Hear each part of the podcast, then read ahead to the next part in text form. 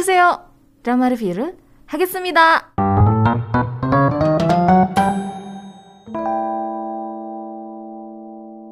Salah satu makhluk mitologi yang cukup sering muncul di legenda-legenda Korea Selatan adalah Gumiho atau yang juga dikenal sebagai siluman rubah berekor sembilan. Gumiho digambarkan sebagai sosok rubah yang bisa berubah jadi bentuk apa aja. Paling sering itu dia berubahnya tuh jadi wanita cantik yang suka menggoda mangsanya untuk bisa diambil jantungnya. Nah, kalau misalnya di legenda Korea, Walaupun Gumiho bisa berubah bentuk jadi apa aja, tapi biasanya tuh tetap nggak bisa berubah 100% gitu. Jadi entah itu mukanya atau telinganya yang masih nunjukin sosok Gumiho. Atau kalaupun memang sudah berubah wujud secara sempurna nih gitu. Tapi ternyata wujudnya tuh masih punya ekor. masih nunjukin ada ekor Gumiho-nya. Terus uh, ada juga yang Gumiho yang memang udah berubah jadi manusia seutuhnya tapi sifatnya tuh nggak akan berubah gitu. Tetap punya nalar rubahnya tuh ada gitu. Ru, e, nalar gumihonya tuh ada. Ya licik udah gitu jahat gitu sifat dari gumihonya. Nah kalau di literatur Korea yang lebih modern gumiho itu digambarkan sebagai makhluk setengah rubah yang haus darah.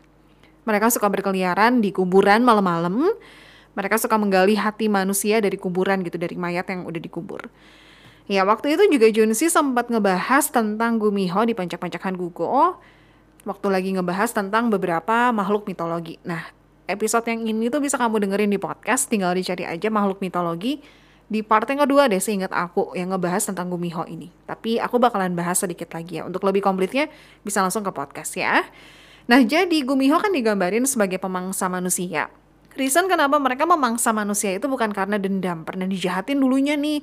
Jadi sekarang tuh mereka musuh bebuyutan. Enggak sebenarnya. Terus kenapa dong para Gumiho ini mengincar hati ataupun jantung manusia? Karena mereka tuh pengen bisa jadi manusia seutuhnya. Pengen berumur panjang. Terus mereka tuh pengen punya kekuatan. Nah untuk bisa ngedapetin itu semua, Gumiho harus memangsa atau menyerap atau mengumpulkan energi dari seribu manusia. Tapi ini tuh dibatas cuman bisa dalam waktu seribu tahun. Nah kalau dalam waktu seribu tahun mereka nggak berhasil ngumpulin energi seribu manusia, mereka bakalan lenyap. Jadi pilihannya ya hidup atau mati gitu. Dalam prosesnya, Gumiho itu punya beberapa pantangan dan juga ritual. Jadi mereka tuh nggak boleh makan daging, mereka tuh vegetarian gitu. Terus mereka juga nggak boleh memperlihatkan wujudnya. Ini aku inget banget di salah satu drama Korea, My Roommate is a Gumiho, diceritain kalau si sosok Hiri-nya, karakter yang diperanin nama Hiri itu nggak boleh makan ayam. Karena aku lupa aler, bukan alergi sih ya, maksudnya pantangan gitu, nggak boleh makan daging ayam. Padahal si karakter yang diperanin nama Hiri itu suka banget sama ayam goreng. ya, Gumiho sendiri ini sudah diangkat jadi beberapa drama Korea ya aku lumayan nontonin sih drama-drama tentang Gumiho. Antara lain ya, kita bahas sedikit. Yang pertama, itu adalah My Girlfriend is a Gumiho. Ini tuh film lama banget, dirilis tahun 2010. Seingat aku tersedia di Netflix deh. Ini tuh drama tentang Gumiho yang populer banget. Banget. Jadi kalau misalnya kamu nyebutin drama tentang Gumiho, ini tuh pasti disebut gitu. My Girlfriend is a Gumiho. Diperanin sama Isenggi sama Shin Minna. Wah ini wah legend banget sih dramanya tuh komedi romance uh, sweet gimana gitu gemes gemes gimana dan Gumiho-nya tuh Shin Min Ah-nya ya ya cute lah gitu imut-imut gegemesin gitu ya. Itu yang pertama. Terus yang kedua judulnya adalah The Thousand Men. Ini dirilis tahun 2012 nah ini tuh aku nggak nonton dramanya jadi aku kurang begitu tahu. Pokoknya diperanin sama Kang Yewon dan Lee Chun Hee Lee Chun Hee itu yang dulu pernah ada di Family Outing. Aku nonton dia di Family Outing satu variety show yang bakalan bikin kamu ngakak ketawa banget ya sebelum zamannya Running Man. Udah gitu drama yang ketiga tentang Gumiho adalah Gu Family Book dirilis tahun 2013. Nah ini aku nonton. Ini tuh diperanin sama Isenggi lagi dan Suzy. Nah kalau misalnya di My Girlfriend is a Gumiho dia jadi manusia, kali ini tuh di Gu Family Book Isenggi yang jadi karakter Gumiho-nya. Ini cukup beda daripada drama-drama Gumiho yang lainnya. Kenapa? Karena latarnya tuh bukan di zaman modern. Latarnya tuh di zaman Joseon. Sementara kalau drama-drama Gumiho lainnya tuh biasanya latarnya tuh di zaman modern. Walaupun memang ada flashback sedikit, tapi pasti uh, yang jadi utamanya tuh di zaman modern. Terus berikutnya ada Tale of the Nine Tailed. Nah ini yang nanti bakalan aku bahas lebih rinci ya. Drama ini diperanin sama Lee Dong Wook. Satu lagi itu adalah My Roommate is a Gumiho tahun 2021. Ini yang diperanin sama Jang Kyung dan Harry yang jadi Gumiho-nya tuh Jang Kyung. Dari drama-drama tentang Gumiho yang pernah aku nonton, paling cute itu Gumiho-nya ya yang diperanin sama Shin Min Ah yang di My Girlfriend is a Gumiho. Cuma kalau dari sisi cerita, lebih dark itu adalah Tale of the Nine Tailed nggak tahu kenapa kayaknya mungkin karena efek CG-nya mungkin ya CGI-nya udah gitu mungkin karena alur ceritanya juga lebih lebih ya lebih dark aja gitu dari segi ceritanya. Walaupun memang ada komedi tipis-tipis ya untuk yang uh, Tale of the Nine Tailed season yang pertama. Kalau season kedua sih kocak banget. Nanti aku bahas ya. Kalau misalnya dari segi uh, Gumihonnya yang menurut aku paling keren sosok Gumihonnya ya bukan pemerannya tapi kayak karakter Gumihonnya yang muncul di dalam drama itu paling keren itu adalah Gumiho yang ada di My Roommate is a Gumiho. Kayak megah gitu loh si karakter Gumiho-nya, sosok Gumiho-nya. Jadi bukan Jang Kyung ya, tapi ketika si Gumiho ini berubah jadi rubah, nah rubah yang menurut aku keren banget itu yang yang ada di My Roommate is a Gumiho gitu. Ya, ini drama-dramanya bisa kamu tonton, cari aja di platform OTT. Seingat aku, My Girlfriend is a Gumiho ada di Netflix. The Thousand Men aku nggak tahu sih. Kalau Go Family Book di mana ya? Coba dicari aja ya. Tale of the Nine Tailed nanti bakal dibahas. My Roommate is Gumiho uh, itu ada di Netflix, di ICE juga ada, di Viu ada nggak ya? Aku lupa. Dicari aja ya.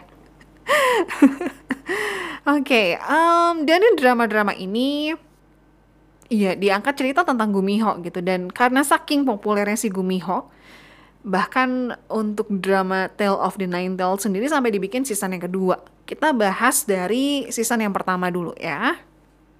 Tale of the Nine Tailed yang pertama itu dirilis tahun 2020. Sekarang kalau kamu pengen cari dan tonton itu udah cukup banyak di platform OTT ya. Kalau pada saat itu kayak cuma satu deh, aku lupa ada di mana. Kalau sekarang kamu bisa nonton di Netflix, di video, di ICE, di WTV, di Viu, dan di Prime Video juga ada. Jadi bisa langsung dicari di platform yang kamu langganan yang mana gitu, biar gak usah langganan baru. Sementara kalau untuk season yang kedua itu, sampai saat ini hanya tersedia di Prime Video aja. Gak tau mungkin kalau ke depannya bakal tersedia di platform lain, mungkin ya. Karena ya gak menutup kemungkinan gitu. Nah sebelum nonton season yang kedua yang judulnya Tale of the Nine-Tailed 19 38 atau 1938 ini kamu harus nonton dulu yang pertama karena ceritanya tuh nyambung. Walaupun memang sebenarnya bisa aja sih langsung nonton yang kedua juga gitu. Palingan kamu agak sedikit bingung dengan para karakternya aja. Di awal episode season yang kedua ini memang ada sedikit flashback dan pengenalan karakter di dramanya gitu. Tapi benar-benar cuma sekilas doang. Kayak cuma dijelasin karakter yang diperanin sama Lee Dong Wook namanya tuh Ion. Dia tuh seorang eh seorang seekor bingung deh. Pokoknya dia Gumiho yang seperti apa terus dia cintanya sama siapa namanya. Udah gitu dia paling takut ke dokter gigi paling suka es krim coklat mint gitu. Jadi cuma gitu doang. Sementara kalau untuk cerita tentang dianya itu kan kita nggak dapet ya. Karena kalau misalnya harus diceritain lagi kan panjang banget. Jadi saran dari aku sih better kamu nonton dulu dari yang pertama gitu. Supaya tahu uh, latar cerita dari season yang kedua ini bakal seperti apa gitu Nah, untuk jumlah episodenya sendiri ada perbedaan. Season yang pertama itu lebih banyak, jumlahnya 16 episode. Sementara kalau untuk season yang kedua cuma 12 episode aja. Kalau dari tim produksinya itu masih sama sih kurang lebih ya. Cuman bedanya di bangku sutradara aja gitu. Season yang pertama itu didirect sama Kang Shin Hyo, sama satu lagi ada Jo Nam Hyung. Nah untuk season yang kedua cuman Kang Shin Hyo aja. Sutradara yang mendirect uh, drama The Hears sebelumnya gitu. Nah, untuk penulis season 1 sama season 2 sama, sama-sama ditulis oleh Han Wuri dan ini tuh karya karya dia. Dua-duanya tuh karya dia. Dia belum menulis uh, drama lainnya. Networknya pun masih sama ya, baik season 1 ataupun season 2 sama-sama di TVN, cuman season 2 itu nambah sama TV Ing gitu. Um, awalnya, awal ide cerita kenapa sampai akhirnya dibikin drama Tale of the Nine Tail ini adalah Kang Shin Hyo tuh pengen bikin superhero asli Korea ceritanya. Mungkin kalau di barat itu udah udah cukup banyak ya, ada Iron Man, ada Batman, ada Captain America dan lain sebagainya. Nah dia tuh pengen bikin yang versi Koreanya dan pengen si karakter superhero ini tuh deket dengan budaya Asia juga gitu. Awalnya sutradara Kang tuh langsung kepikir, oh kayaknya Gumiho cocok nih gitu, bikin Gumiho aja deh gitu. Nah menariknya, ide tokoh superhero ini tuh muncul setelah uh, didiskusikan dengan sutradara Kang sama Han Wuri ini penulis Han Wuri. Uh, mereka diskusi dan munculnya tuh ya jadi um, timelinenya sutradara Kang itu bikin drama The Hairs dulu. Udah gitu ada satu drama lagi yang dia garap yaitu Children of the Lesser God. Barulah drama The Tale of Nine Tail ini gitu. Cuman idenya tuh muncul sebelum dia menggarap Children of the Lesser God gitu tapi karena mungkin ya harus diobrolin dulu dimatengin dulu idenya dia riset dulu segala macam jadi kepotong drama lainnya barulah dia bikin drama uh, The Tale of the Nine Tailed ini gitu. Selain tentang superhero, sutradara kan juga pengen kasih lihat perspektif lain tentang Gumiho gitu. Karena memang bener aku ngerasa di drama ini makanya kenapa aku bilang lebih dark karena lebih ngebahas tentang kisah rumit dari si Gumiho-nya yang berusaha bertahan hidup ketika dia patah hati. Ketika dia pengen mewujudkan satu hal yang dia inginkan gitu hidup bersama dengan orang yang dia cintai tapi dia harus mengorbankan keluarganya bisa dibilang kayak gitu. Jadi musim yang pertama ini fokus ceritanya tuh sama Gumiho yang bernama Ion yang diperanin sama Lee Dong Wook. Dia itu adalah Gumiho berdarah murni. Maksudnya apa? Berdarah murni itu adalah kedua orang tuanya itu sama-sama Gumiho, ya. Bukan campuran. Soalnya di drama ini juga ada Gumiho yang merupakan darah campuran gitu. Itu adiknya uh, Ion namanya Irang yang diperanin sama bentar aku lupa. sama Kim Bom itu darahnya campuran um, karena pokoknya orang tuanya tuh satu manusia satu gumiho gitu makanya disebutnya darah campuran nah Ion ini adalah dewa penjaga pegunungan Baekdu Degan cuman karena Ion melakukan kesalahan dia jatuh cinta sama manusia namanya Aem dan dia pengen hidup bersama dengan orang yang dia cintai akhirnya dia meninggalkan tugasnya dia mengabaikan tugasnya Jadilah singkat cerita, pokoknya dia dihukum untuk menangkap roh jahat di dunia manusia gitu. Nah, Aem akhirnya mati dan Ion coba cari reinkarnasi dari Aem. Gitu. Dia pengen coba menemukan pujaan hatinya itulah.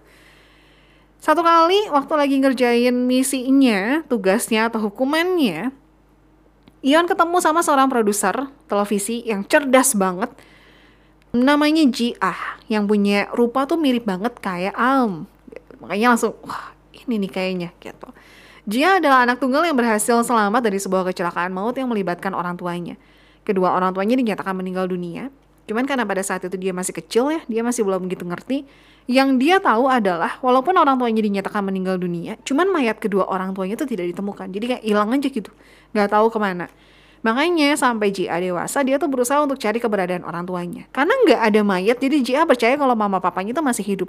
Tapi nggak tahu ada di mana gitu um, season yang pertama aku ngerasa agak sedikit horror sedikit lah porsinya ya nggak seserem Master Sun sih cuma tapi masih ada feel horornya lah Sementara itu untuk adiknya Iya namanya Irang yang tadi merupakan Gumiho campuran itu juga pergi ke dunia manusia ceritanya. Kenapa? Dia pengen ngejar kakaknya. Soalnya dia sakit hati banget sama kakaknya. Karena dia ngerasa dia ditinggalin sama kakaknya. Padahal dulu kakaknya tuh sayang banget sama dia dan mereka ke mana-mana selalu bersama. Tiba-tiba ditinggalin gitu. Bahkan kakaknya sampai tiga nusuk dia pakai pedang. Nonton deh itu tuh sebenarnya ada reasonnya. Dan aku spill sedikit ya itu sebenarnya salah paham gitu. Jadi di season yang pertama karakter Ion tuh sibuk banget. Sibuknya ngapain aja? Pertama dia harus cari tahu fakta tentang kematian dari orang tuanya Jia. Udah gitu dia juga harus melindungi Jia karena Jia jadi dikejar-kejar juga sama orang yang pengen nyelakain dia gitu.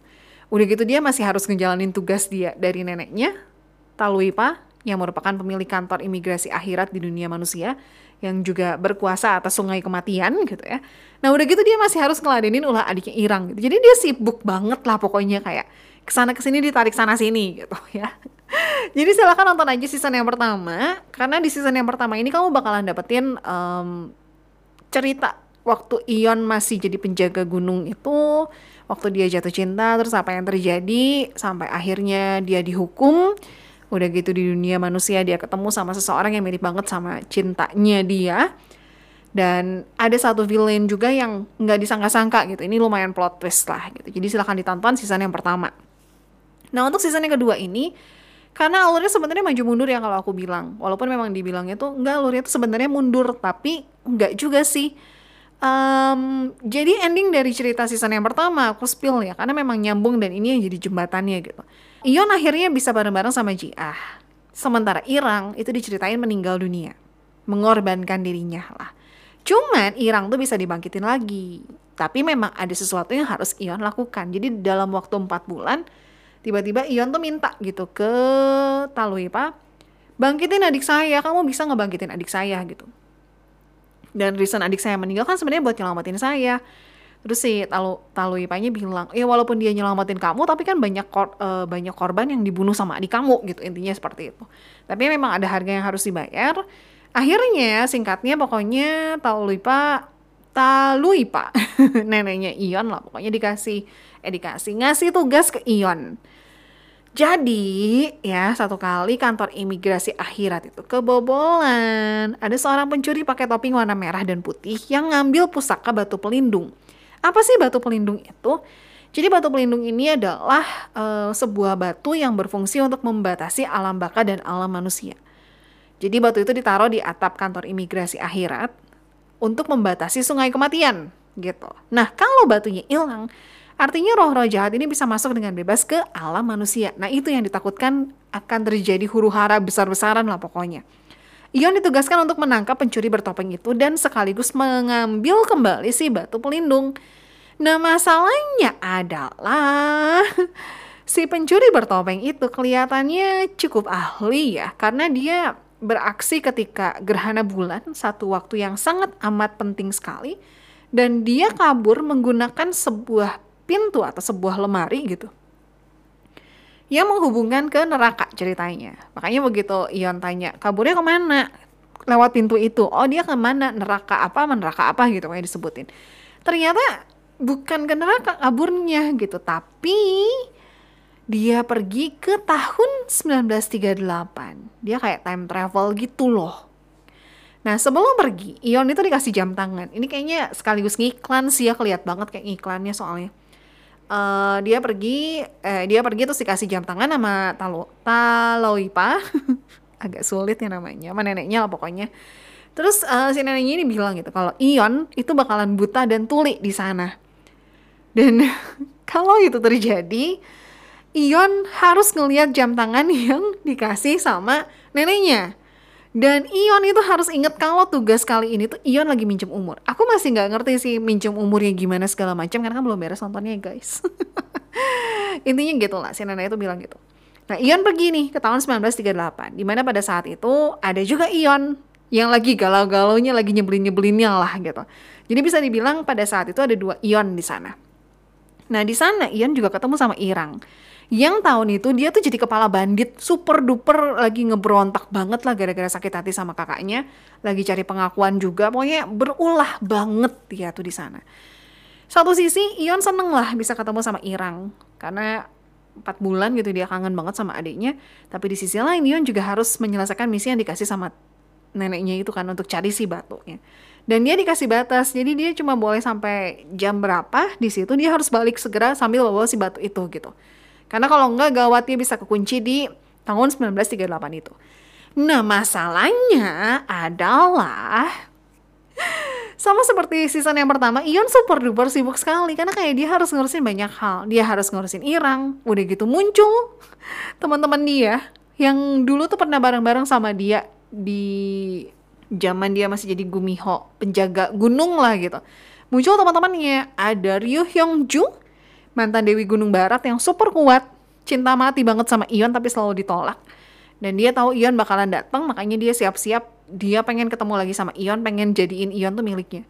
Entah itu harus apa ya ada ada satu dialog gitu yang bikin aku ketawa. Dia pokoknya uh, pokoknya aku harus ngedapetin Ion entah itu hidup atau uh, atau jadi pajangan gitu lah pokoknya intinya pokoknya dia super duper ambisius banget pengen ngedapetin Ion udah gitu ada lagi teman yang lain which is namanya adalah Chon Muyong ini penjaga Gunung Timur yang dulunya temannya Ion tapi dia mengalami sakit hati yang teramat sangat sekali gitu. Makanya dia pengen balas dendam sama Ion. Makanya sibuk banget Ion.